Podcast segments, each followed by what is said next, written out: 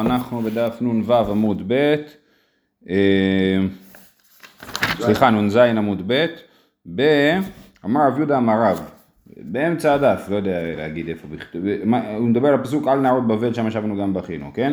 אמר רב יהודה אמר רב, מהי דכתיב על נערות בבל שם ישבנו גם בכינו בזוכרנו את ציון. אז יש פה בעיה, כי זה מדובר על ספר תהילים שכתב דוד המלך, והוא מדבר על החורבן, על גלות בבל, כן? אז איך זה יכול להיות? מלמד שהראו הקדוש ברוך הוא לדוד חורבן בית ראשון וחורבן בית שני. חורבן בית ראשון שנאמר על נערות בבל, שם ישבנו גם בכינו. בית שני דכתיב זכור השם לבני אדום את יום ירושלים, האומרים ערו ערו עד היסוד בה. זאת אומרת בהמשך הפרק גם אה, אה, מדבר על, על, אה, על אה, אדום ולא רק על בבל, אז זה חורבן בית שני. אז את שניהם דוד המלך ראה בנבואה ועל זה הוא אמר את הפרק הזה.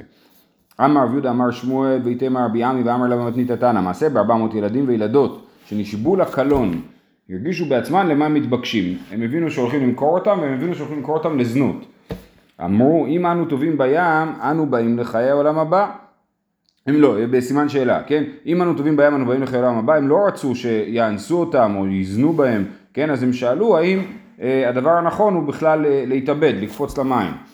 אה, דרש להן הגדול שבהן, הילד הכי גדול, אה, עשה דרשה. אמר השם מבשן אשיב, אשיב ממצולות ים. מה זה מבשן? אשיב מבין שיני אריה. כן, בשן זה כאילו כמו נוטריקון כזה. בין שיני אריות, אשיב ממצולות ים, אלו שטובים בים. כן, אז הנה, הקדוש ברוך הוא כן ישיב את מי שטובע בים, כיוון ששמעו ילדות כך, קפצו כולן ונפלו לתוך הים. נשאו הילדים קל וחומר בעצמם. ואמרו, מה הללו שדרכן לכך, כך, אנו שאין דרכנו לכך על אחת כמה וכמה, אף הם קפצו לתוך הים. אה, אה, כן, אז הבנות קפצו, ואז הבנים אמרו, הם, זה דרך העולם שאדם ואישה, גבר ואישה אה, אה, אה, שוכבים, כן? אבל אצלנו אנחנו- הם, הם, הם, הם מיועדים למשכב זכר, ולכן על אחת כמה וכמה שהם צריכים לקפוץ לתוך הים, ועליהם הכתוב אומר, כי עליך הורגנו כל היום, נחשבנו כצאן טבחה. כן, אז זה... אה, עליך הורגנו כל היום זה הדבר הזה שהם מתאבדים בשביל אה, לא לחטוא. ורב יהודה אמר, אז זה ש- דברי רב יהודה בשם שמואל. ורב יהודה בעצמו יש לו רעיון אחר, על הפסוק עליך הורגנו כל היום, הוא אמר זו אישה ושבעת בניה. אתם מכירים את זה בתור חנה ושבעת בניה, כן? אז זה, הסיפור הזה של האישה ושבעת הבנים נמצא בכל מיני מקומות, הוא גם בספר מכבים ד' ובעוד מקומות, וכל פעם בנוסח קצת אחר, אז הנה, זה אחד הנוסחים של הסיפור של אישה ושבעת בניה. התיהו קמה לקמי לקיסר, לקחו את הבן הבכור, אמרו לו פלח לעבודת כוכבים, עבוד עבודה זרה, אמר לו כתוב בתורה אנוכי השם אלוקיך, אבקו וקטלו, הרגו. אה, התיהו לאידך, הביאו את הבן השני, קמי לקיסר, אמר לי פלח לעבודת כוכבים, אמר לו כתוב בתורה לא יהיה לך אלוהים אחרים על פניי, אבקו וקטלו. התיהו לאידך, אמרו לי פלח לעבודת כוכבים, אמר לו כתוב בתורה זובח לאלוהים יוחרם, אבקו וקטלו, זה היה השלישי. התיהו לאידך, אמרו לי פלח לעבודת כוכבים, אמר לו כתוב בתורה שמע ישראל השם אלוקינו השם אחד, אבקו וקטלו. אה, התיהו לאידך, סליחה אני דילגתי, לא תשתחווה לאל אחר. שנייה, אמרנו, הראשון היה אנוכי השם אלוקיך, השני היה לא לך אלוקים אחרים, השלישי זובח לאלוקים יחורם, הרביעי לא תשתחווה לאל אחר, החמישי זה שמע ישראל השם אלוקינו השם אחד, החמישי, אה, התיהו לאידך אמרו ליפלח לעבודת כוכבים, אמר לו כתוב בתורה וידעת היום בשבועות האלה לבך כי השם אלוקים השמיים ועל הארץ והארץ ותחת אין עוד, זה השישי, אבקו וקטלו, ואז הביאו את האחרון. התיהו לאידך, אמרו ליפלח לעבודת כוכבים, אמר לו כתוב בתורה את השם האמרת היום והשם האמירך היום. כבר נשבענו לקדוש ברוך הוא, שאין אנו מעבירים אותו באל אחר, ואף הוא נשבע לנו שאין, אנו, שאין מעביר אותנו באומה אחרת. כן, אז אנחנו העם הנבחר. אמר לי קיסר, הקיסר לא רצה להרוג אותו, בכל זאת הוא הרג כבר שישה, אמר אה, איש דלך גושפנקה, אני אזרוק איזה טבעת או מטבע על הרצפה, ואתה תתכופף ותרים את זה, כי איכי דלימו קביל עלי ארמנא דמלכה, כן, כדי שלא יהיה לי ביזיון. דרך לצאת מזה. כן, הקיסר חיפש דרך לצאת מזה בכבוד. אמר לי, חבל עליך קיסר, חבל עליך קיסר, על כבוד עצמך כך, על כבוד הקדוש ברוך הוא על אחת כמה וכמה. אז הוא אומר לו, שים לב, אכפת לך כל כך מהכבוד שלך, ואתה מצפה שלי לא יהיה אכפת כאילו מהכבוד של הקדוש ברוך הוא, ולכן הוא לא מסכים לזה. הפקו למקטלי, אה, הוציאו אותו להרג, אמרה להוא ימי יאהבוני עלי תביאו לי אותו ואנשקי פורתא. אמרה לו, אמרה לו בניי או בני לכו ואמרו לאביכם, כן, בניי, לכו ואמרו לאברהם אביכם, אתה עקדת מזבח אחד, ואני עקדתי שבעה מזבחות. אף עלתה לגג ונפלה ומתה, יצאה בת קול ואמרה, אם הבנים שמחה. כן, אז הפסוק עליך הרגנו כל היום, מיוחס לפי רב יהודה לסיפור הזה. אה, זה מעניין דרך אגב משני הסיפורים האחרונים ש, שהתאבדות היא אולי לא כזה דבר גרוע במצבים מסוימים, כן? ובתקופת, אה, בימי הביניים, בתקופת מסעי הצלב, אצל האשכנזים, בעלי התוספות, זה היה מאוד מקובל להתאבד, יש הרבה סיפורים כאלה, אה, דרך אגב זה הדוקטורט של שמחה גולדין, הוא חוקר, שמחה, אבא של הדר גולדין, הוא חוקר את הדבר הזה של מוות על קידוש השם בימי הביניים. אז זה... בסעדה, הסיפור של מצדה, כמעט לא מדברים עליו. כן. כן, אף אחד לא ידע את זה, מי ידע את זה? היהודים לא קראו יוספוס, כאילו. אה, רבי יהושע בן לוי אמר, זו מילה, כן, הרעיון של אה, עליך הרגנו כל היום, זו מילה שניתנה בשמיני, שרש"י כותב, זו מילה, שלפעמים התינוק יכול, עלול למות מהברית מילה, זאת אומרת, אנחנו משתדלים שלא, אבל התינוק עלול למות מהברית מילה, וזה עליך הרגנו כל היום. רבי שמעון בן לקיש אמר, אלו תלמידי חכמים שמראים הלכות שחיטה בעצמם, כן? כשאנשים לומדים מסכת חולין, הם צריכים להסביר איך בדיוק שוחטים, אז הם מדגימים כאילו על עצמם, הם אומרים, רואה פה זה הגרון, פה זה הזה, הם עושים מצביעים על עצמם, או אפילו עם הסכין מצביעים על עצמם, ואז אה, אז רש"י אומר, שמא יתכוונו בגרונו, כן? זאת אומרת, הוא, הוא באמת מצביע עם הסכין על הגרון ועלול בטעות להרוג את עצמו, או לחתוך את עצמו. אה, אה, ויש כאלה שמסבירים שזה מין סגולה כזאת, זה, זה סגולה רעה, לא להצביע על עצמך בהלכות שחיטה.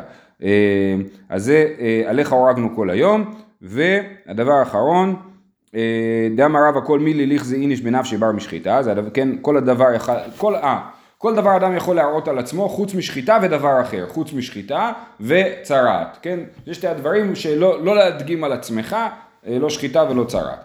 דמר בשום, אוקיי, דבר אחרון, רב נחמן רבי יצחק אמר, אלו תלמידי חכמים שממיתין עצמם על דברי תורה. כדי רבי שמעון לקיש, דאמר רבי שמעון בן לקיש, אין דברי תורה מתקיימים, אלא במי שממית עצמו עליהם, שנאמר, זאת התורה, אדם כי ימות בעול. זה מפרשת חוקת.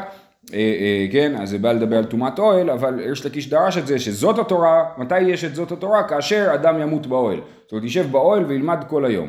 אה, ודווקא לפי ההסבר האחרון, אז עליך הרגנו כל היום, זה לא כפשוטו, שמישהו מת, אלא הוא ממית את עצמו באוהלה של תורה. אמר רבי חנא, אמר רבי יוחנן, ארבעים שאה, קצוצי תפילין, נמצאו בראש הרוגי בית"ר. כן, זאת אומרת, אם אני לא יודע, נגיד, אספו את כל התפילין מתפילין של ראש שהיו ב... לא תפילין של ראש, נמצ... כן, נמצ... אספו 40 שאה, קצוצי תפילין, לנו זה מזכיר תמונות מהשואה, כן, של משקפיים, כן, אבל ככה הוא אומר, היה 40 שאה אה, תפילין אה, שם, זאת אומרת, כל תפילין שייך לבן אדם, כן, אז זה הרבה מאוד.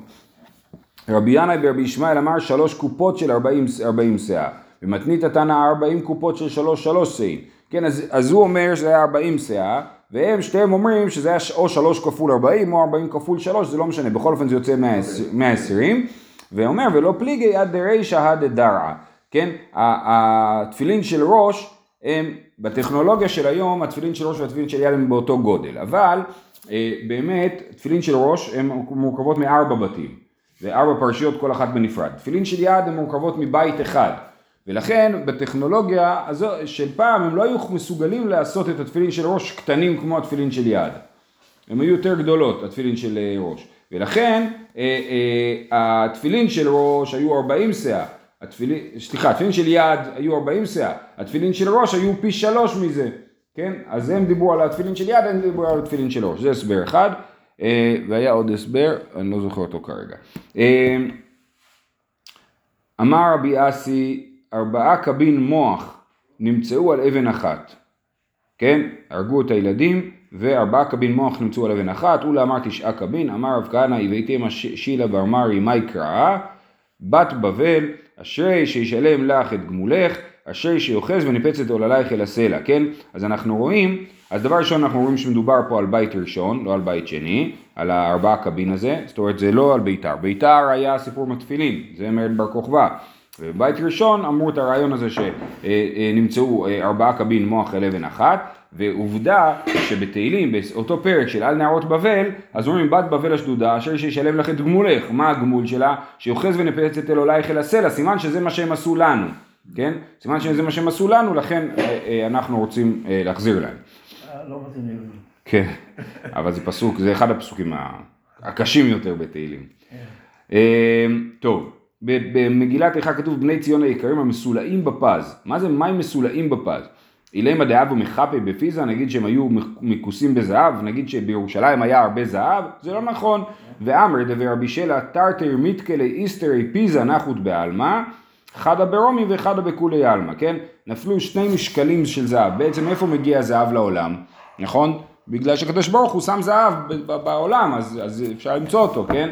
אז אה, נפלו שני משקלים זהב בעולם, אחד נפל ברומי ואחד בכל העולם כולו. זאת אומרת שברומא יש יותר זהב, מכל, כמות שווה של זהב לכל העולם כולו. אולי זה לפני גילוי אמריקה, כן? אז השתנה קצת המצב. אה, לא, רומא זה שתה על הרוב המזרח.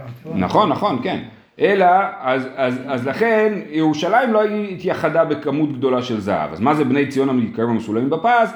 אלא שהיו מגנין את הפז ביופיין. כן, הם היו יותר יפים מזהב, בני ציון. מעיקר החשיבי דרומאי אבו נקטה ביליונא דגושפנקה ומשם שיהרסאיו. כן, היה להם עניין שהם חשבו שכאשר אם רואים דבר יפה כאשר אה, אה, משמשים את מיטתם אז יצא ילדים יפים. אז מה הם היו עושים? היו לוקחים אה, מטבע, כן, מטבע יפה, ושמים את זה ליד המיטה בזמן שהיו משמשים מיטתם. ואז אחרי שהגיעו בגלות, בני בבל הגיעו לרומא וראו שהם כל כך יפים, אז מכאן ואילך מייטו בני ישראל ואסרי בקרי דפוריו משמשי, הם היו קושרים את היהודי למיטה ומשמשים את מיטתם שם כדי להסתכל על היהודי שהוא כזה יפה. אמר לי אחד לחבר, שני אנשים למדו את הדבר הזה, אנחנו לא יודעים מי הם, סתם שני חבר'ה, כן? אמר אחד לחברו, אה איך הכתיבה, מאיפה הגיע הרעיון הזה, מה, איפה כתוב, לא סליחה, איפה כתוב שזה הולך לקרות לנו, הקללה הזאת? אמר לי, גם כל חולי וכל מכה אשר לא כתוב בספר התורה הזאת, ככה הוא אמר לו, כן? זה מסוף, ממש סוף ספר דברים. אז כאילו כתוב כל חולי וכל מכה שלא כתוב בספר התורה הזה, אז כל מכות שלא כתוב בספר התורה גם הם אה, אה, יקרו לנו. אז, אה, אה, אז הוא אומר לו, כמה מרחיק נא מדוך טפלן? אומר לו, הנה, אני עכשיו בפרשת, אה, לא יודע מה, כי תצא, עוד כמה זמן אני אגיע לפסוק הזה שאמרת לי? הוא אומר לו, אינגד פוסטה ופלגה, חכה דף וחצי, עוד דף וחצי אתה מגיע. אמר לי, אם אתה לגבי לא אצטרכי לך, אם הייתי באמת עומד בקצב ומגיע לפסוק הזה בזמן, לא הייתי צריך אותך, הייתי יודע לבד את הפסוק, כן? זה מה שהוא אומר. אז ראיתי הסבר שבעצם יש את הקללות של ספר ויקרא. כן? ויש את הקללות של ספר דברים.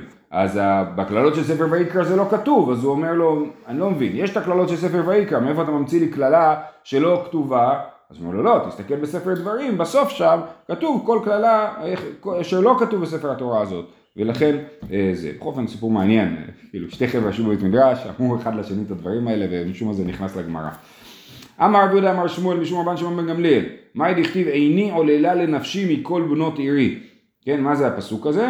על הפסוק הזה אומרים ככה, 400 בתי כנסיות היו בכרך ביתר, ובכל אחת ואחת היו בה 400 מלמדי תינוקות, וכל אחד ואחד היו לפניו 400 תינוקות של בית רבן. תעשו את החישוב, זה 400 כפול 400 כפול 400, כן? אני חושב, או שזה רק 400 כפול 400, כי לא ברור, היו 400 בתי כנסיות, לכאורה בכל בית כנסת היו 400 מלמדי תינוקות, אבל יכול להיות שהכוונה היא שבאמת כל בית כנסת היה מלמד תינוקות אחד. אה, וכשהיה האויב נכנס לשם, היו דוקרים אותו בחותריהם, כשהיה נכנס רומאי לבית כנסת, כל הילדים היו שולפים את העפרונות ומתחילים לדקור את ה... זה, היה להם אה, קנה, נכון? היו כותבים קנה, או שהיו חורטים על פנקס עם איזה מין אה, מקל מחודד, והיו דוקרים אותו. אבל כשדבר אויב ולכדום כרכום בספריהם וציתום באש שרפו את כולם ועל זה נאמר איני עולה לנפשי מכל בנות עירי. אמ, תנו רבנן, נעשה ברבי יהושע בן חנניה, שהלך לכרך גדול שברומי, אמרו לו תינוק יחדש בבית האסורים, יפה עיניים וטוב רואי וקבוצותיו סדורות לא טלטלים. הלך ועמד על פתח בית האסורים, אז זה רבי בן חנניה שמע שיש תינוק יהודי יפה בבית הכלא, אז הוא אמר, אז הוא נכנס לבית הכלא, ועשה, זה השיטה של הרב הרצוג, נכון? הרב הרצוג אחרי השואה הלך למנזרים ואמר שמע ישראל, ומי ששם יד על ה... מי שמיד כיסה את הפנים באופן אינסטקטיבי, הוא, הוא ידע שהוא יהודי, כן? אז זה, כי הוא היה שואל, אומר, מי יש פה מיהודים? אם המנזר הייתה אומרת לו, אין פה אף אחד. מכנסים את כל הילדים לחצר, אומר, שמע ישראל! כל הילדים קופצים עם היד לעיניים. אז זה, ככה הוא אמר, הוא אמר, מי נתן להם שיסה יעקב וישראל לבוזזים? אז ענה אותו התינוק ואמר, הלא השם זו, זו חטאנו לו, ולא אהבו בדרכיו הלוך, ולא שמעו בתורתו. ככה מיד הילד השלים את הפסוק. אמר, וזה לא פסוק מספר בראשית, מספר ישעיהו, אמר מובטחני בו שמורה הוראה בישראל, כן, כנראה שהוא יהיה תלמיד חכם גדול, העבודה שאיני זז מכאן עד שאפדנו בכל ממון שפוסקין עליו, אני אפדה אותו בכל מחיר. שזה מעניין, כי מה למדנו? אין פודים את השבויים ביותר מכדי דמיהם, נכון? אז תוספות מסביר שתי תירוצים, אחד זה שכאן אה, אה, היה חשש למוות של, ה, של, ה, של הילד, אז כן, כן, כן צריך להציל, וההסבר השני זה בגלל שהוא היה מופלג בחוכמה, אז כאילו אדם שהוא מופלג בחוכמה כן מותר לפדות ביותר מכדי דמיו, ככה לפי תוספות פה. בכל אופן אז הוא פודה אותו, אמרו לו זזו משם עד שפדאו בממון הרבה. ולא היו ימים מועטים עד שהוראה הוראה בישראל, באמת הוא נהיה תמיד חכם ומפורסם, ומנו רבי ישמעאל בן אלישע. עכשיו שימו לב, יש שני רבי ישמעאל בן אלישע. כנראה שהם היו סבא ונכד. רבי ישמעאל בן אלישע הראשון היה כהן גדול.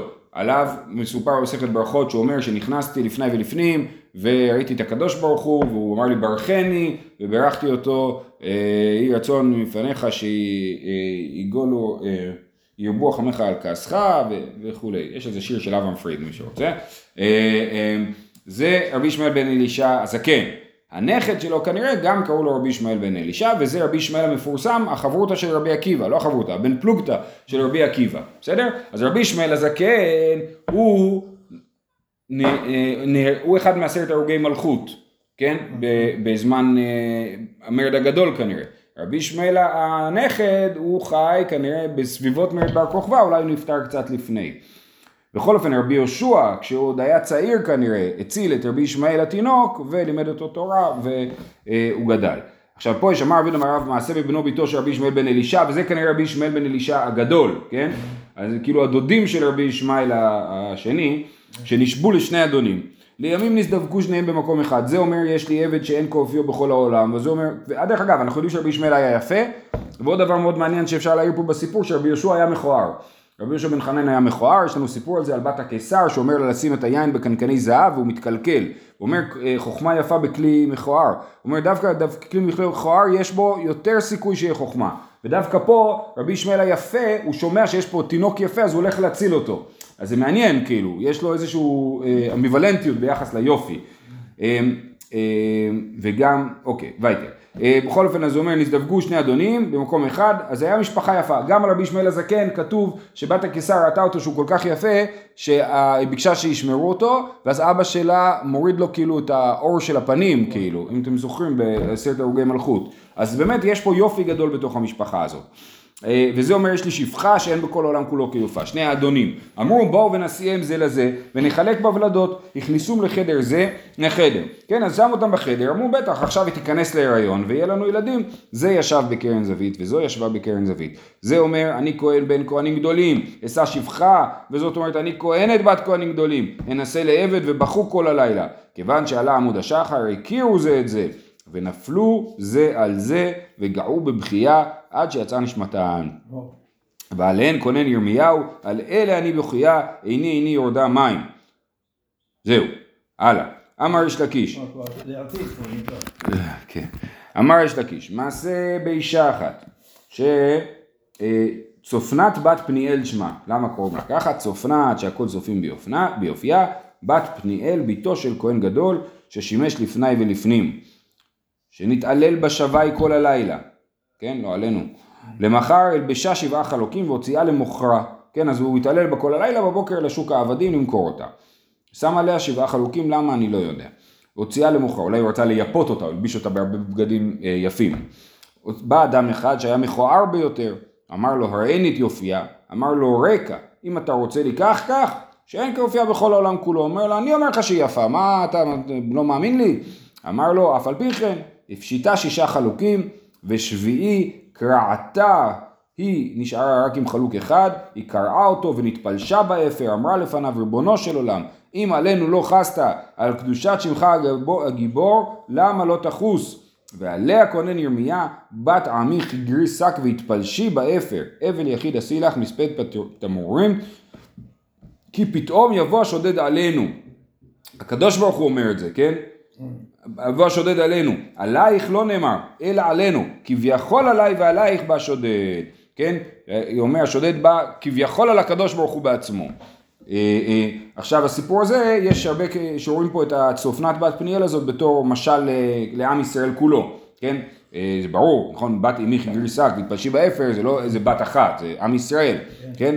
אז זה בעצם עם ישראל אומר לקדוש ברוך הוא, אם לא חסת עלינו, לפחות על קדושת שמך הגיבור למה לא תחוס, ואז הקדוש ברוך הוא אומר, כביכול בא השודד על שנינו.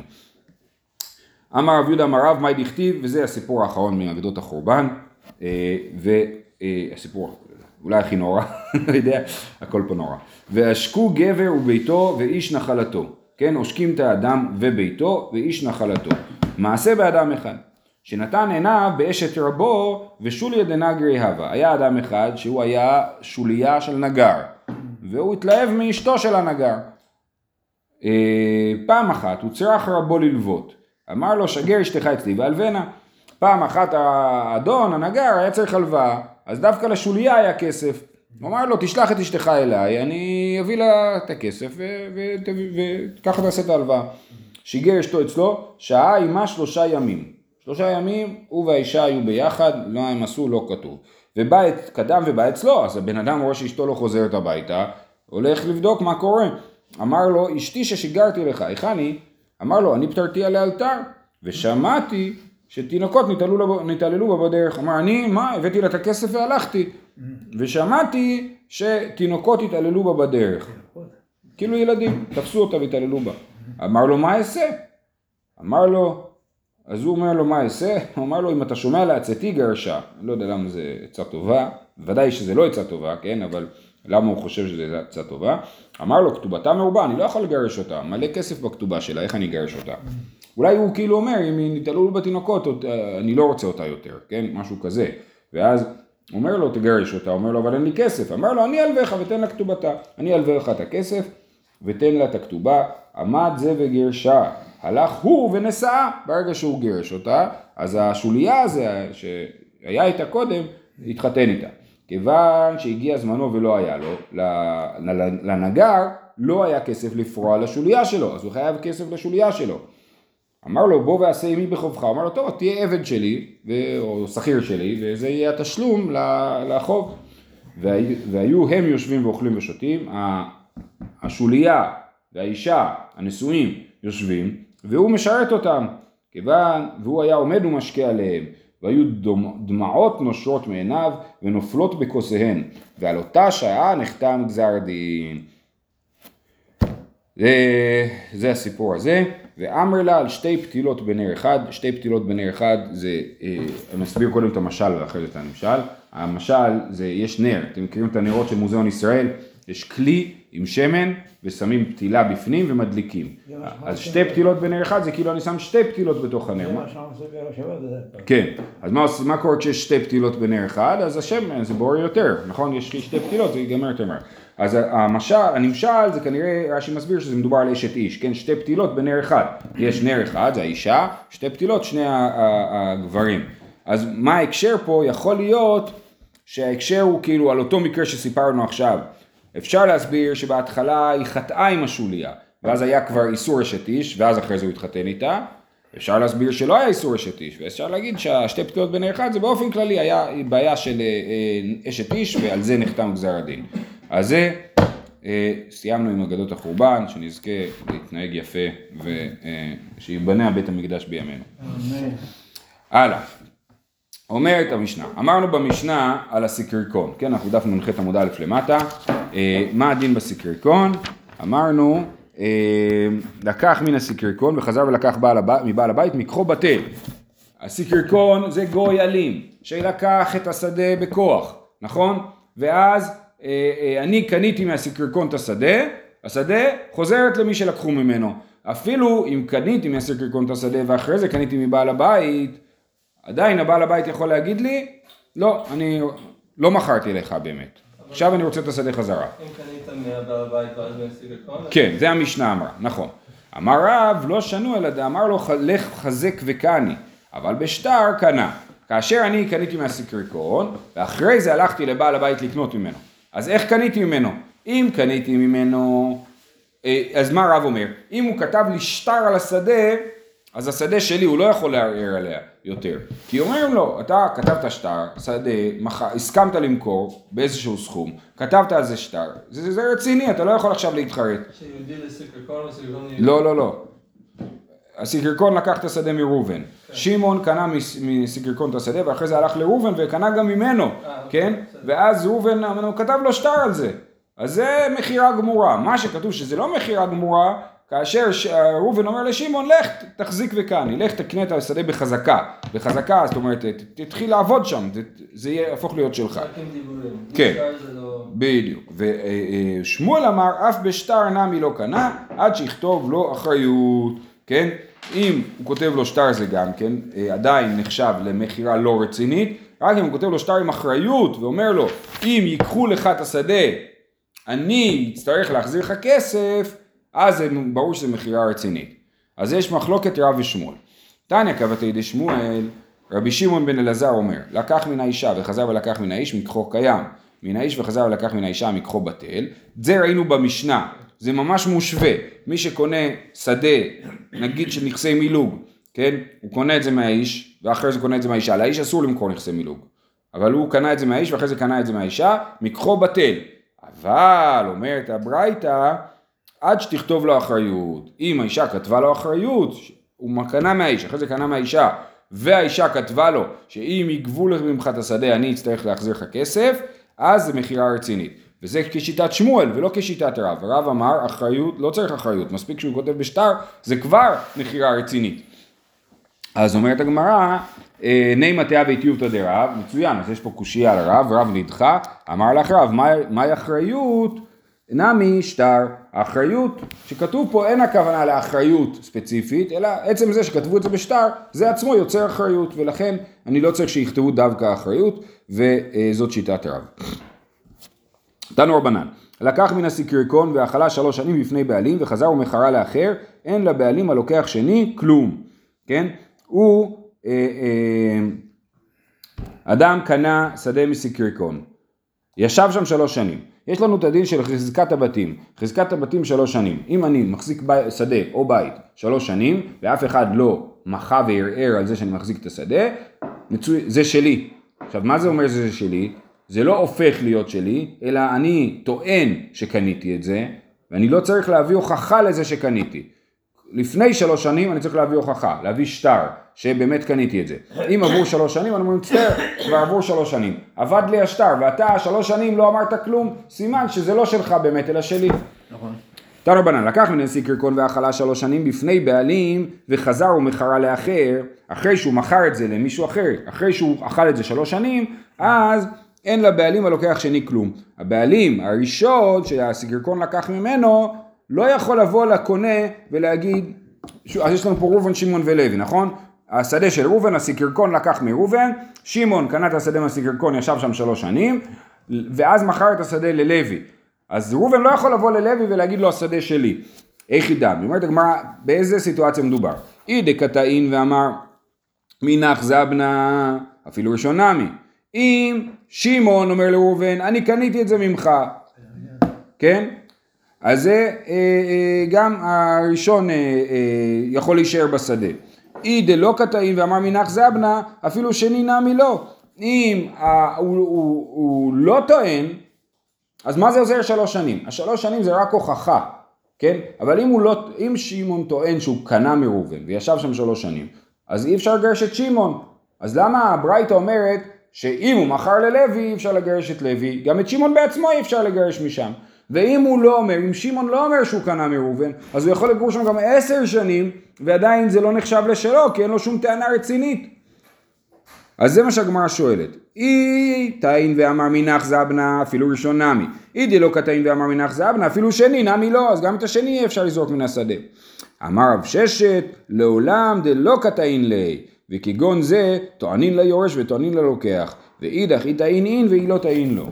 זאת אומרת, המקרה, למה יהיה הבדל בין שמעון ללוי, כן, בין שמעון שקנה את השדה, שקיבל את השדה, קנה את השדה מהסיקריקון לבין לוי שקנה את השדה משמעון, השאלה האם אנחנו טוענים בשבילו. אם שמעון לא טוען כלום, הוא אומר, "סתם, לא יודע, ישבתי פה בשדה, לא יודע, כן? אז אנחנו לא אומרים לשמעון, טוב, כנראה קנית את זה. הוא צריך להגיד, הוא צריך להגיד, קניתי מראובן. ואיבדתי את השטר בדיוק. אבל לוי לא צריך לטעון כלום, אנחנו נטען בשבילו. לוי אומר, אני לא יודע, שמעון ישב בשדה שלוש שנים, ואחרי זה מכר לי, אין לי מושג. אז אנחנו אומרים, אה, אז כנראה ששמעון קנה את השדה מראובן. זאת אומרת, אנחנו נגיד ללוי, נכניס לו לפה את המילים הנכונות שהוא צריך להגיד. ובדרך כלל, למה נכניס לו את ה... בגלל שזה מה שכתוב פה, טוענים ליורש וטוענים ללוקח, כן? כי הלוקח והיורש הם לא יודעים מה קרה קודם, ולכן טוענים בשבילם, אבל הבן אדם בעצמו, בשבילו לא טוענים, הוא צריך לטעון בעצמו, ולכן יש הבדל בין שמעון לבין לוי, ששמעון אם הוא טען, אז הוא זכאי, זכאי בשדה, ואם הוא לא טען לא, ולוי אפילו אם הוא לא טען, הוא זכאי לשדה. זהו, אנחנו נעצור פה, שיהיה לכולם יום טוב.